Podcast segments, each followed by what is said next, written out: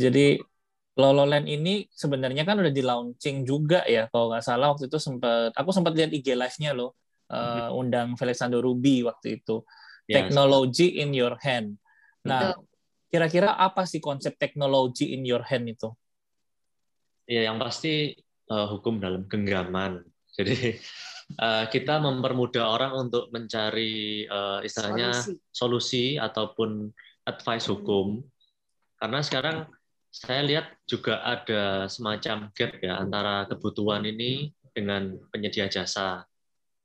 Uh, sesuai kode etik kan kita sebagai pelaku hukum kan nggak boleh promosi. Nah, ya. gimana masyarakat ini bisa mendapatkan hukumnya? Apakah random datang ke datang ke salah satu kantor hukum? Kadang tepat, kadang nggak tepat juga. Nah, kita bentuk platform ini uh, satu untuk edukasi, kedua juga kita menyediakan jasa bagi mereka-mereka yang butuh. Ya, untuk merangkul lah seluruh masyarakat. Tidak hanya masyarakat tertentu aja yang memang bisa ketemu dan langsung mendapatkan penasehat hukumnya, eh, mendapatkan lawyernya yang sesuai, tapi ini semua masyarakat, lapisan masyarakat itu bisa mendapatkan jawaban atas masalah mereka. Makanya namanya technology in your hand. Jadi dengan satu klik aja di handphone kalian tuh bisa langsung konsultasi online. Iya, jadi karena ini suara, jadi teknologi itu pinter people, eh, LO-nya itu diganti LAW, jadi baca teknologi in your ya, hand. Pintar, pintar people bisa visit Instagramnya kalau pengen tahu lebih mm. lanjut, ada di Lau Lau Land ya. .id. Land.id. Jadi konsultasi hukum online, teman-teman. Yes. Dan Wah, gimana tanggapannya tanggapannya sejauh ini seperti apa setelah launching? Mungkin setelah ini baru langsung ke Bro Selot. Hmm. tanggapannya. Uh, tanggapannya sangat bagus ya. Jadi kita mendapatkan beberapa orang yang bertanya soal kasus-kasus pribadinya mereka. Terus kita juga mendapatkan lebih banyak anak muda sih sekarang ya cek ya. Karena memang kan tujuan kita adalah uh, ke anak-anak yang milenial juga. Nah, di mana sekarang mereka sudah aware nih tentang hukum. Jadi mereka banyak visit ke kita untuk konsultasi online untuk bertanya bagaimana sih cara membuat PT, bagaimana mempersiapkan usaha mereka dengan baik, apa yang harus dipersiapkan MOU-nya, perjanjian kerjasamanya. Nah, itu kan menjadi suatu tanggapan yang bagus. Karena apa yang kita udah persiapkan, apa yang kita udah launching ini sesuai dengan kebutuhan mereka. Nah, itulah yang membuat kita tetap semangat untuk terus uh, apa untuk terus merambah dan memperbanyak ilmu di bidang hukum. Oke, seperti yang tadi Bro Richard bilang ya, sending peace, kedamaian. oke, oke, oke. Nah, kok teknologi gitu ya? Apakah ini ini uh, ada pilihan lain nggak? Satu inovasi, kenapa harus pemilihan teknologi gitu loh? Hmm. Kenapa? Biasa kan orang hukum itu kan kadang-kadang saya nggak tahu ya. Kalau kadang-kadang kalau kita ahli dalam satu bidang itu kan kita pengen ngerubah ini, ngerubah itu gitu ya. Nah ini kok malah memilih mengembangkan menyalurkan melalui teknologi itu kenapa gitu loh? Uh, karena kebutuhannya masyarakat kan semakin lama semakin meningkat. Pertama, Kedua, eh, perkembangan teknologi ini kan juga luar biasa sekali. Setuju. Bayangkan ya. di uh, yang dari dulu nggak ada ojek, sekarang udah ada yang ojek. Itu sangat memudahkan UMKM yang yang jualan makanan di pelosok itu pun bisa dijangkau. Jadi kan luar biasa sekali. Terus perkembangan kedua adalah dokter online. Berbagai banyak platform sudah uh, memulai Nah, saya merasa uh, tinggal tunggu waktu saja kebutuhan hukum ini juga akan nyampai ke teknologi. Karena semua orang itu berkaitan dengan hukum. Tidak ada yang tidak luput dari hukum. Seperti uh, asasnya dalam undang-undang. Jadi ketika suatu undang-undang ini sudah diterbitkan, orang di pucuk gunung itu dianggap tahu. Nah, berarti kan kekuatan hukum undang-undang ini mengikat seluruh warga Indonesia. Jadi saat itu juga kebutuhan akan hukum itu sebetulnya ada. Cuman mereka kurang aware. Nah, bagaimana kita bisa menjangkau ke orang-orang yang uh, mungkin butuh dan posisinya jauh? salah satunya lewat teknologi ini. Saya yakin dengan teknologi ini bisa menjangkau orang yang lebih luas lagi. Daya jangkaunya jauh daripada kita harus door to door atau harus uh, konvensional dengan cara tampil di TV atau bagaimana.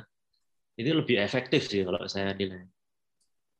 Oke, betul betul. Kayak saya ya, saya ini tadi Bro Richard ngomong gini saya baru inget ya. Saya ketilang nggak pakai masker di mobil, mobil pribadi, karena okay. ternyata ada ada perwalinya, ada undang-undangnya yang dikeluarkan di tahun 2020 dan saya tidak pernah membaca dan tidak pernah mendengar, tapi tetap kena tilang. Oke oke oke oke, sekarang lebih paham. Karena dianggap tahu. Karena dianggap tahu, betul saya sudah ngomong Pak mana ada gitu kan. Akhirnya setelah cari, oh ya memang ada. iya benar. Apalagi mindset saya ini apakah satpol pp-nya nyari-nyari, nyari duit rokok atau gimana. Biasa kan mindset kita kan gitu ya. Apalagi parno-parno sekarang gitu ya. Ketilang yeah. dikit, ngomongnya polisi nyari-nyari. Padahal memang benar kita salah gitu. Ya, ya. benar, benar, benar. Jadi jalur edukasi ini bisa menggantikan ya, karena kan nggak boleh promosi. Lebih baik kita edukasi gitu ya, bro ya, sama ya, Levina ya. Oke. Okay. Nah, sekarang ini balik ke case lagi ya supaya perbincangan kita tambah seru. Kira-kira selama menangani kasus-kasus atau project-project itu apa project yang paling sulit atau kasus yang paling menantang buat Richard dan Levina? Nah, tapi nggak usah disebutkan mereknya ya, mungkin gambaran besarnya aja tentang apa gitu ya kan nggak boleh ini ya cerita. Cuma dalam hal apa dan apa yang kalian lakukan ketika menemui jalan buntu atau gimana itu? Hmm, yang paling menantang tentu uh, ada sengketa antar shareholder. Jadi perusahaan ini udah gede nih. Ya itu kembali lagi semua masalah uh, serakah dan masalah harta. Akhirnya udah gede, uh, shareholdernya ribut, sama-sama orang kuat kan. Jadi kita harus apa namanya? Gimana sih caranya mendamaikan kubu-kubu yang bersengketa ini. Nah, itu kita harus pikir otak, kita harus misalnya eh, berusaha semaksimal mungkin agar mereka ini bertikainya tidak lebih dalam lagi karena uang berapapun kalau sudah bertikai itu nggak akan ada artinya. Jadi kita ya. harus menempatkan diri di posisi pihak yang satu dengan yang pihak yang lain. Oke. Okay. Jadi kalau selama ini tantangannya paling gede sih biasanya dari perusahaan yang udah gede terus tiba-tiba ribut ini dia ini tantangannya gimana sih kita bisa menyelesaikan ini secara lebih kekeluargaan lah Iya.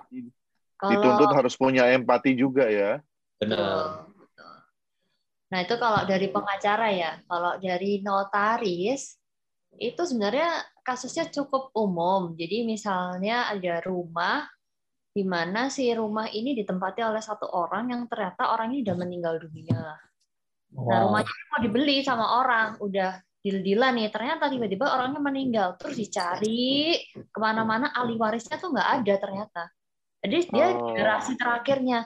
Nah, gimana dong sertifikatnya? Gimana dong caranya mau beli rumah ini? Itu yang sampai sekarang masih kita putar otak uh, gimana nih solusinya karena si orang pembelinya ini kan sudah ngotot banget pengen beli dia udah pegang kopi-kopi sertifikatnya dan semuanya cuman karena uh, si pemilik rumah meninggal akhirnya rumahnya nggak ada yang nempatin dan nggak ada yang tahu siapa yang menjadi ahli warisnya takutnya nih kalau nanti uh, si pembeli bisa beli rumah ini tiba-tiba ada ahli waris lain yang menuntut kan ini menjadi sengketa Oke. Wah, Berarti sampai seperti itu ya. Saya ini mulai akhirnya mulai aware loh. Berarti sepenting itu ya untuk mempersiapkan ahli waris dari sekarang ya. Karena umur kan kita nggak ada yang tahu ya. Nah itu dia. Itu kadang-kadang. Benar-benar. Oke, ya. habis ini nanti salah sesi ini berapa hari ke depan setelah ini saya siapin waktu kita siapin ahli waris. Soalnya emang susah loh kalau sampai nggak ada ahli warisnya. Yang tanah itu ataupun rumah kita akan kembali ke negara. Jadi ya oh. kalau memang nggak dihuni nggak ada yang punya nggak ada yang ngeklaim nah itu akan kembali ke negara Oke. Kasihan ya kalau memang ada ahli warisnya, terus ternyata dia nggak tahu ada harta itu, malah nggak bisa menikmati. Gitu. Ya, ya. Berarti ini untuk semua orang yang sudah punya aset, sudah punya kekayaan, sudah punya rumah, harusnya mulai ya, mulai aware akan hal ini ya. Oh iya, Bang. Jadi Oke. yang paling banyak itu uh, asetnya banyak, tiba-tiba nggak ada orangnya. Anak-anaknya atau ahli warisnya nggak tahu asetnya ini di mana aja. Ya sudah, Oke. itu akhirnya satu persatu mulai hilang. Hilang dalam arti uh, ternyata ketemu sertifikatnya. Setelah dicek objek tanahnya sudah banyak penduduk bangunan liar yang di sana. Hmm. Udah ada sekitar 50 kakak. Wah, itu Hmm. susahnya minta ampun gitu loh. Ya. Belum belum lagi uh, pengurusan itu kan butuh dana besar. Nah, itu menjadi satu aset yang terbuang kan sayang. Terus ya, ya, ya. contoh lain, semisalnya uh, punya deposito, itu banyak loh deposito yang tidak bertuan. Jadi Hmm. nol ya. Orang orang berpikir, uh, oke okay, aku atas nama aja supaya nggak kelacak pajak. Ternyata orang ini mendadak nggak ada. Ahli warisnya kan nggak tahu. Ternyata bapak atau ibunya ini punya deposito atas nama si A. Jadilah deposito ini tidak bertuan. Jadi yang untung kan banknya. ini Iya. kejadian yang uh, banyak. Terus kadang kalau dipikir-pikir juga konyol karena kan balik lagi kamu kerja mati-matian ternyata uangnya nggak bisa kamu nikmatin, nggak bisa kamu salurkan untuk hal yang lebih penting gitu. Nah, ini butuh Karena ketidaktahuan ya terhadap Ya. hal ini ya. Hmm, karena ketidaktahuan karena hal ini. Jadi ini butuh strategi sebetulnya. Eh, kalau bahasa hukumnya itu mungkin estate planning ya.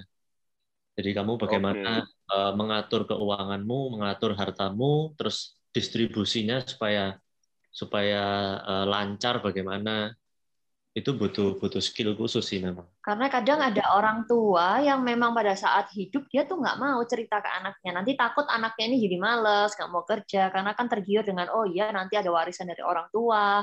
Ya. Tapi Budaya timur tua- ya, budaya timur gitu. Budaya timur. Tapi ada orang tua yang memang open ke anaknya. Jadi udah dikasih tahu ke anaknya kalau ada apa-apa nanti eh, mami punya di sini aja, hartanya ini. Jadi nanti kamu pakai untuk masa depanmu. Itu ada yang begitu. Ya. Nah, orang-orang yang tidak mau memberikan eh, informasi kepada anaknya saat hidup ya diperlukanlah estate planning. Jadi mereka harus nge-planning dulu. Nanti kalau saat meninggal nih siapa yang akan me- menjalankan ini, siapa yang akan mendapatkan ini. Nah, Ya. itu harus di planning semuanya. Kalau nggak Bisa gitu, ya tapi tanpa membocorkan ke yang menerima warisan supaya ya itu supaya nggak malas kerja apa. Jadi oke aku wariskan ke ABC, tapi ABC-nya belum tahu. Taunya waktu nanti udah meninggal tuh bisa seperti itu. bisa bisa. Bisa. Hmm. Bisa. Oke. Oke, jadi pintar people buat yang kira kurang lebih tahu duit papa mamanya nggak ada di bawah bantal, ya. Tolong ini bagian ini di-cut dan diberikan kepada papa mama biar lebih aware. Iya iya. Nah, Ya, aku ya. mau tanya nih eh, di terkait dengan Lololand lagi ya. Sekarang ini kan eh, kalau kita lihat Bro Richard sama Levina ini membuat sebuah inovasi gitu loh di bidang hukum, which is eh, kalian tuh pasangan milenial yang nggak biasa. Biasanya kalau kita ngomong orang-orang hukum tuh kan orang-orang yang udah senior gitu kan. Terus eh, masih formal, masih apa namanya konservatif. Terus kalian muncul bikin aplikasi, terus sekarang tanggapannya juga oke. Nah, mau tahu sih tanggapan sesama kolega tuh gimana terhadap kalian? Maksudnya apalagi orang-orang yang lebih senior. Mereka melihat Lololand tuh kayak gimana? Mungkin bisa diceritain dikit. Hmm, eh, karena ada yang mungkin beberapa pihak yang nggak paham kita ini gimana, jadi mereka cuman "Oh, oke oke bagus gitu. Tapi eh, mereka cuman memberi saran gimana caranya kamu bisa eh, memperluas jangkauanmu ini kepada masyarakat yang lebih luas. Karena mereka-mereka itu sebetulnya butuh bantuan hukum. Tapi mereka ini nggak tahu harus ke mana, mereka ini juga takut, mereka ini Iya. juga masih belum aware ke sana. Nah, itu tugasmu bagaimana caranya kamu bisa menjangkau masyarakat yang lebih luas. Karena kebutuhan hukum itu menurutku ke semua orang ya seharusnya. Semuanya butuh lah. Eh, Pengetahuan dan bantuan hukum itu mereka butuh semua. Tapi karena eh, tingkat kesadarannya belum sampai ke sana, jadi mereka itu cenderung menomorduakan. Iya. Kalau ya. apalagi itu kalau ngomong hukum tuh biasanya mahal ya ini bakal habis uang banyak nih. Itu kan biasanya perspektifnya masyarakat pada umumnya ya. Ya, hmm. itu yang paling sering orang-orang bicarakan sih.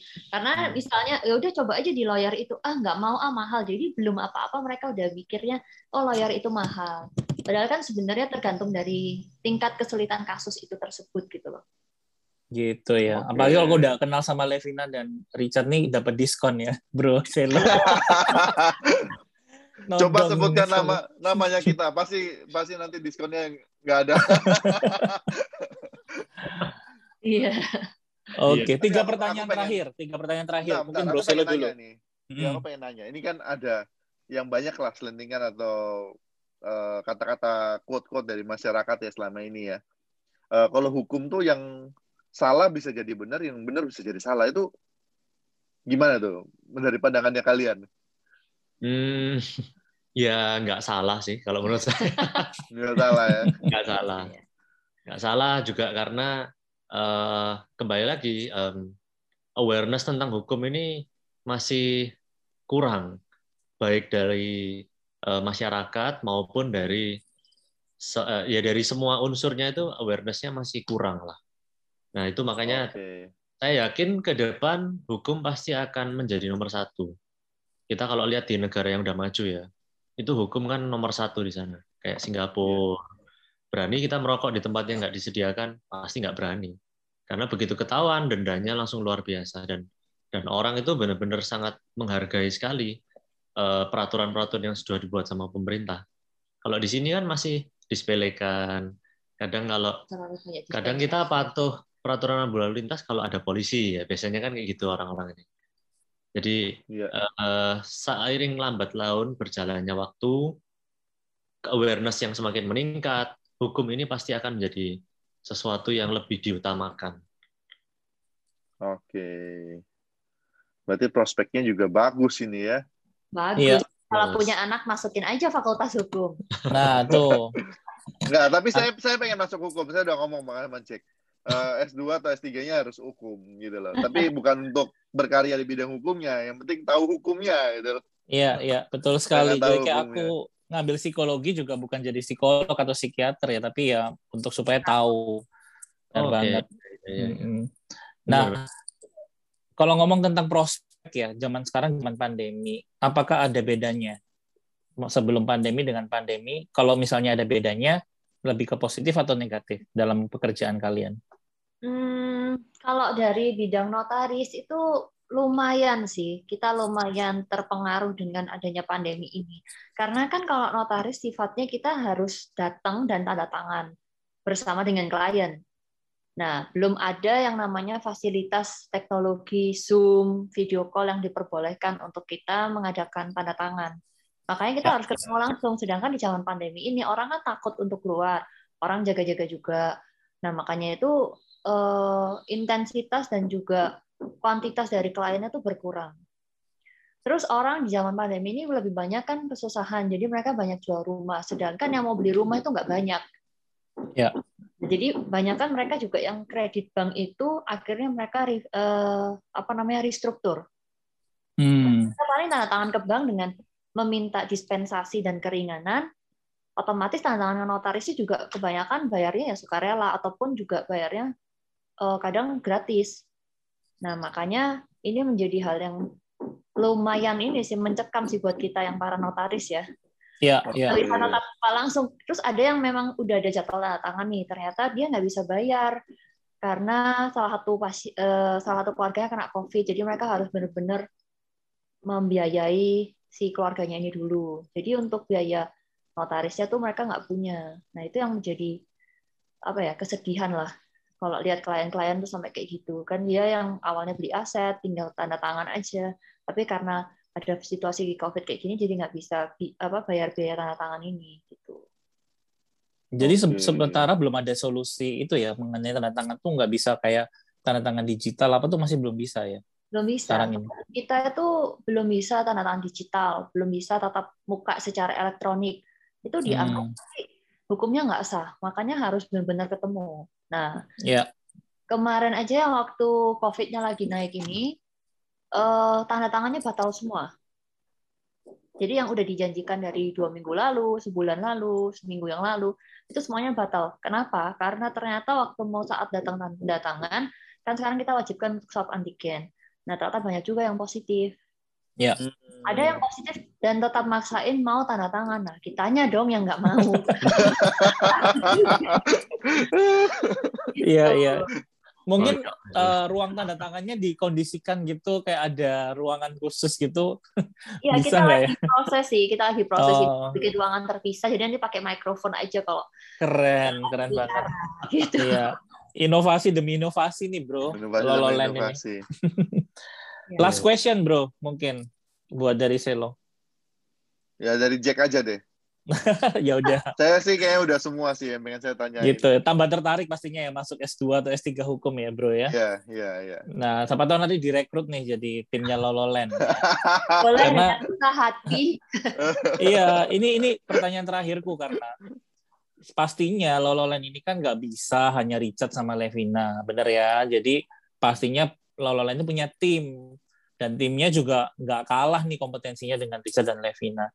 Tapi ke depannya ketika tambah gede, ada nggak rencana untuk scouting ya talent-talent baru dari bidang hukum dan strateginya seperti apa untuk membuat mereka tuh tertarik? Pertama dari orang yang memang udah kuliah hukum ya ngambil studi hukum dan mereka nggak tahu mesti ke mana terus ke Lololand atau yang kedua orang yang belum kepikiran yang memang mungkin ya mungkin awalnya malah dihindari nggak mau hukum tapi akhirnya dengan melihat Lowland, melihat sepak terjangnya Richard dan Levina, mereka jadi tertarik nih untuk uh, masuk ke bidang hukum dan kemudian bisa direkrut. Nah, kira-kira kalian ada strategi seperti itu nggak? Bisa di-share mungkin? Hmm, jadi uh, ke depan kita uh, pengen punya partner itu yang luas. Jadi uh, menjangkau di pulau lain, bahkan sampai di Papua mungkin kalau bisa ada kita bakal happy ya Ya. Kita, kita sediakan wadah Lowland ini sebetulnya untuk uh, mempermudah masyarakat mengakses hukum. Ya. Jadi hukum tidak hanya terpusat di Pulau Jawa aja, tapi bisa diakses oleh mereka-mereka yang di lain pulau. Dan tentunya kita juga harus punya partner-partner strategis di tempat-tempat lain itu. Untuk uh, perekrutannya, saya masih belum tahu kira-kira akan menggunakan scouting atau sekiranya ada uh, apa namanya apply ya? Apply. atau yang apply. Tapi ke depan kita ingin mempunyai mitra yang seluas-luasnya ya. banyak-banyaknya dan tentunya mitra-mitra ini uh, akan kita uh, apa namanya buatkan sistem agar mereka juga tidak melenceng dari dari dari tugasnya lah. Iya. Jadi bisa ya bro ya kalau misalnya mau uh, email atau tanya-tanya di website lololand.id bisa, bisa bisa bisa sangat bisa. Jadi kita komunikasi. Kita kepengen open orang, ya? Hmm, open. Kita kepengen orang itu yang bekerja hukum itu juga punya kesempatan yang sama. Jadi contoh nah. kita, kita ngambil mungkin di uh, eh, NTT ada orang yang pintar tapi dia kesempatan untuk bisa menjadi lawyer yang terkenal kan harus lari ke Jawa dulu yes. harus rintis dari bawah dulu menurutku sih itu kurang adil ya. Saya kepingin uh, adil bagi semua orang bahwa kalau memang mereka itu berkompeten, mereka mempunyai kesempatan yang sama. Ya. Sila kelima Pancasila ya, keadilan sosial bagi seluruh rakyat Indonesia. Kadang mereka kadang mereka punya uh, kemampuan yang lebih dari dari yang lain ya kan maksudnya kemampuan lain yang pengen mereka tonjolkan atau pengen mereka asah dengan ya. cara mereka harus praktek langsung nih. Nah, tapi kadang kan kasus-kasusnya itu yang masuk ke mereka mungkin kurang atau mungkin juga belum ada, makanya mereka nggak bisa menyalurkan bakat mereka. Nah, di sini kita berharap para lawyer, para uh, praktisi, hukum. praktisi hukum itu bisa nanti menyalurkan bakat mereka di platform kita ini. Dengan kesempatan yang seadil-adilnya dan seluas-luasnya. Nice, nice. Jadi kalau dalam dunia sepak bola tuh kayak ini ya wonder kid gitu ya yang masih belum ditemukan. Nah, Lololand ini jadi scoutingnya nih, scoutnya untuk menemukan talent-talent. Karena kalau tambah banyak masyarakat Indonesia yang teredukasi mengenai hukum, kasusnya juga kan pasti tambah banyak. Kalau kasusnya tambah banyak, pastinya juga butuh lawyer-lawyer handal kan atau notaris-notaris handal untuk bisa uh, menangani gitu. Keren hmm. banget sih ini. Jadi bukan hanya untuk uh, end user atau masyarakat yang butuh bantuan hukum, tapi juga menjadi wadah untuk talent-talent di bidang hukum supaya bisa berkarya bersama. Hmm. Keren banget. Final statement mungkin dari Bro Richard sama uh, Levina, apa yang akan dikembangkan Lololand dalam lima tahun ke depan dan harapannya apa? Silakan. Um, kalau dari saya sih Lololand saya ingin kembangkan seluas-luasnya dalam arti kita bisa berpartner dengan uh, banyak banyak partner tentunya. Saya ambil contoh seperti uh, mungkin YouTube ya. Jadi dari YouTube itu kita bisa uh, tahu bahwa akan ada timbul artis-artis baru dan tanpa melalui birokrasi yang ruwet misalnya. Mereka tidak harus menjilat kepada kayak stasiun media tertentu, tapi dengan kreativitas yang ada, kalau memang pasar dan masyarakat bisa menerima, maka artis ini tetap bisa eksis, tetap bisa diterima, bahkan bisa lebih booming daripada mereka-mereka yang tampil melalui media uh, televisi. Nah, saya kepingin Lowland itu seperti itu. Kita bisa memberikan kesempatan yang sama. Nggak hanya bagi para uh, praktisi hukum di Pulau Jawa aja, khususnya Jakarta misalnya. Kita ingin eh, kawan-kawan kita di luar daerah, di luar pulau itu mempunyai kesempatan yang sama mereka yang mempunyai minat dan bakat dan mereka yang mempunyai ambisi, mereka bisa mendapatkan kesempatan yang sama. Karena kita seperti tahu misalnya di eh, di Pulau NTT kan jarang sekali ada perkara yang mengenai korporasi besar. Mungkin kebanyakan di sana hanya pencurian, pemerkosaan. Akibatnya kemampuan mereka hanya terasa seperti di situ-situ saja. Nah ini kan sayang sekali kalau putra-putra daerah seperti itu tidak mempunyai wadah seperti Lau Laulen ini. Ya. Uh, kalau saya sendiri berharap Lololand menjadi one stop law solution untuk seluruh masyarakat Indonesia dan bisa menjadi wadah untuk edukasi, berkarya dan mempermudah semua orang untuk bisa mendapatkan solusi hukum. Ke depannya nanti kita akan update teknologi apa aja yang akan kita tambahkan di dalam Lololand ini selain dari konsultasi hukum. Asik. Mantap. Ya, Mantap. Jadi uh, beberapa poin penting yang saya catat dari pembicaraan kita di awal ya. Dan inovasi dan kreativitas itu bisa muncul dari mana aja. Bahkan dari sudut pandang hukum pun bisa ternyata ya. Masih ada kebutuhan yang cukup yes. luas yang bisa diciptakan sebuah inovasi melalui teknologi digital. Lololan ini akhirnya menciptakan sebuah konsultasi hukum online. Mungkin bisa dikatakan pertama di Indonesia Um, Kayaknya nggak pertama sih. Pertama nggak ya? juga ya. Kayaknya tuh ada yang awal-awal, awal-awal. Kan kita merupakan salah satu platform hukum digital yang membawa konsep yang fun. Ya. Satu okay. dan isi apa ya? User friendly ya. ya user, user, friendly. friendly. Ya. Yes. Ya itu okay. mungkin inovasinya di sana tuh. Nanti dan mungkin pertama ini ya bikin ruang bilik untuk tanda tangan walaupun positif. Betul. Jadi kalau yang positif boleh tetap tanda tangan. gitu ya. tetap close the deal gitu ya. yes. Baik. Oke. Okay, Thank you banget kedua, ya. Ini saya mau kasih ini dulu Jack, tunggu konklusinya Apa? Jack. Oh oke okay, siap. Jadi konklusi siap. keduanya adalah hukum ini penting sekali untuk diketahui dan uh, dimengerti oleh seluruh lapisan masyarakat, ya tidak terkait oleh umur ya. Umur semakin muda pun kita juga harus semakin harusnya lebih semakin aware terhadap hukum agar banyak sekali kejadian-kejadian yang kita hidupi sekarang ini semua berkaitan dengan hukum ya. Jadi penting banget hukum ini dan prospeknya uh, kalau tadi Deborah Richard dan Levina bilang uh, ke depannya orang akan semakin mengerti hukum dan hukum ini akan jadi yang utama ya di yeah. Indonesia nantinya. Oh. Oke, jadi teman-teman, yuk mungkin yang sekarang uh, perlu banget konsultasi apa pun yang terkait yang kalian nggak mengerti ya bisa uh, download uh, aplikasi Laloland ya di App Store uh, di Google Google Play ya dan juga soon akan ada di iOS jadi semoga cepat bisa ada di iOS jadi semakin banyak juga orang yang bisa konsultasi online mumpung masih gratis ya teman-teman ya uh, bisa konsultasikan sekarang sebelum promo berakhir. Betul, buru-buruan. Buruan. Mumpung ada konsultasi dulu kita bingung banget beneran. Satu dua tahun lalu mungkin kita bingung banget uh, ada kejadian-kejadian apa mau konsultasi ke mana dan ini udah di provide uh, user friendly banget ya teknologi in our hand ya. Simple banget.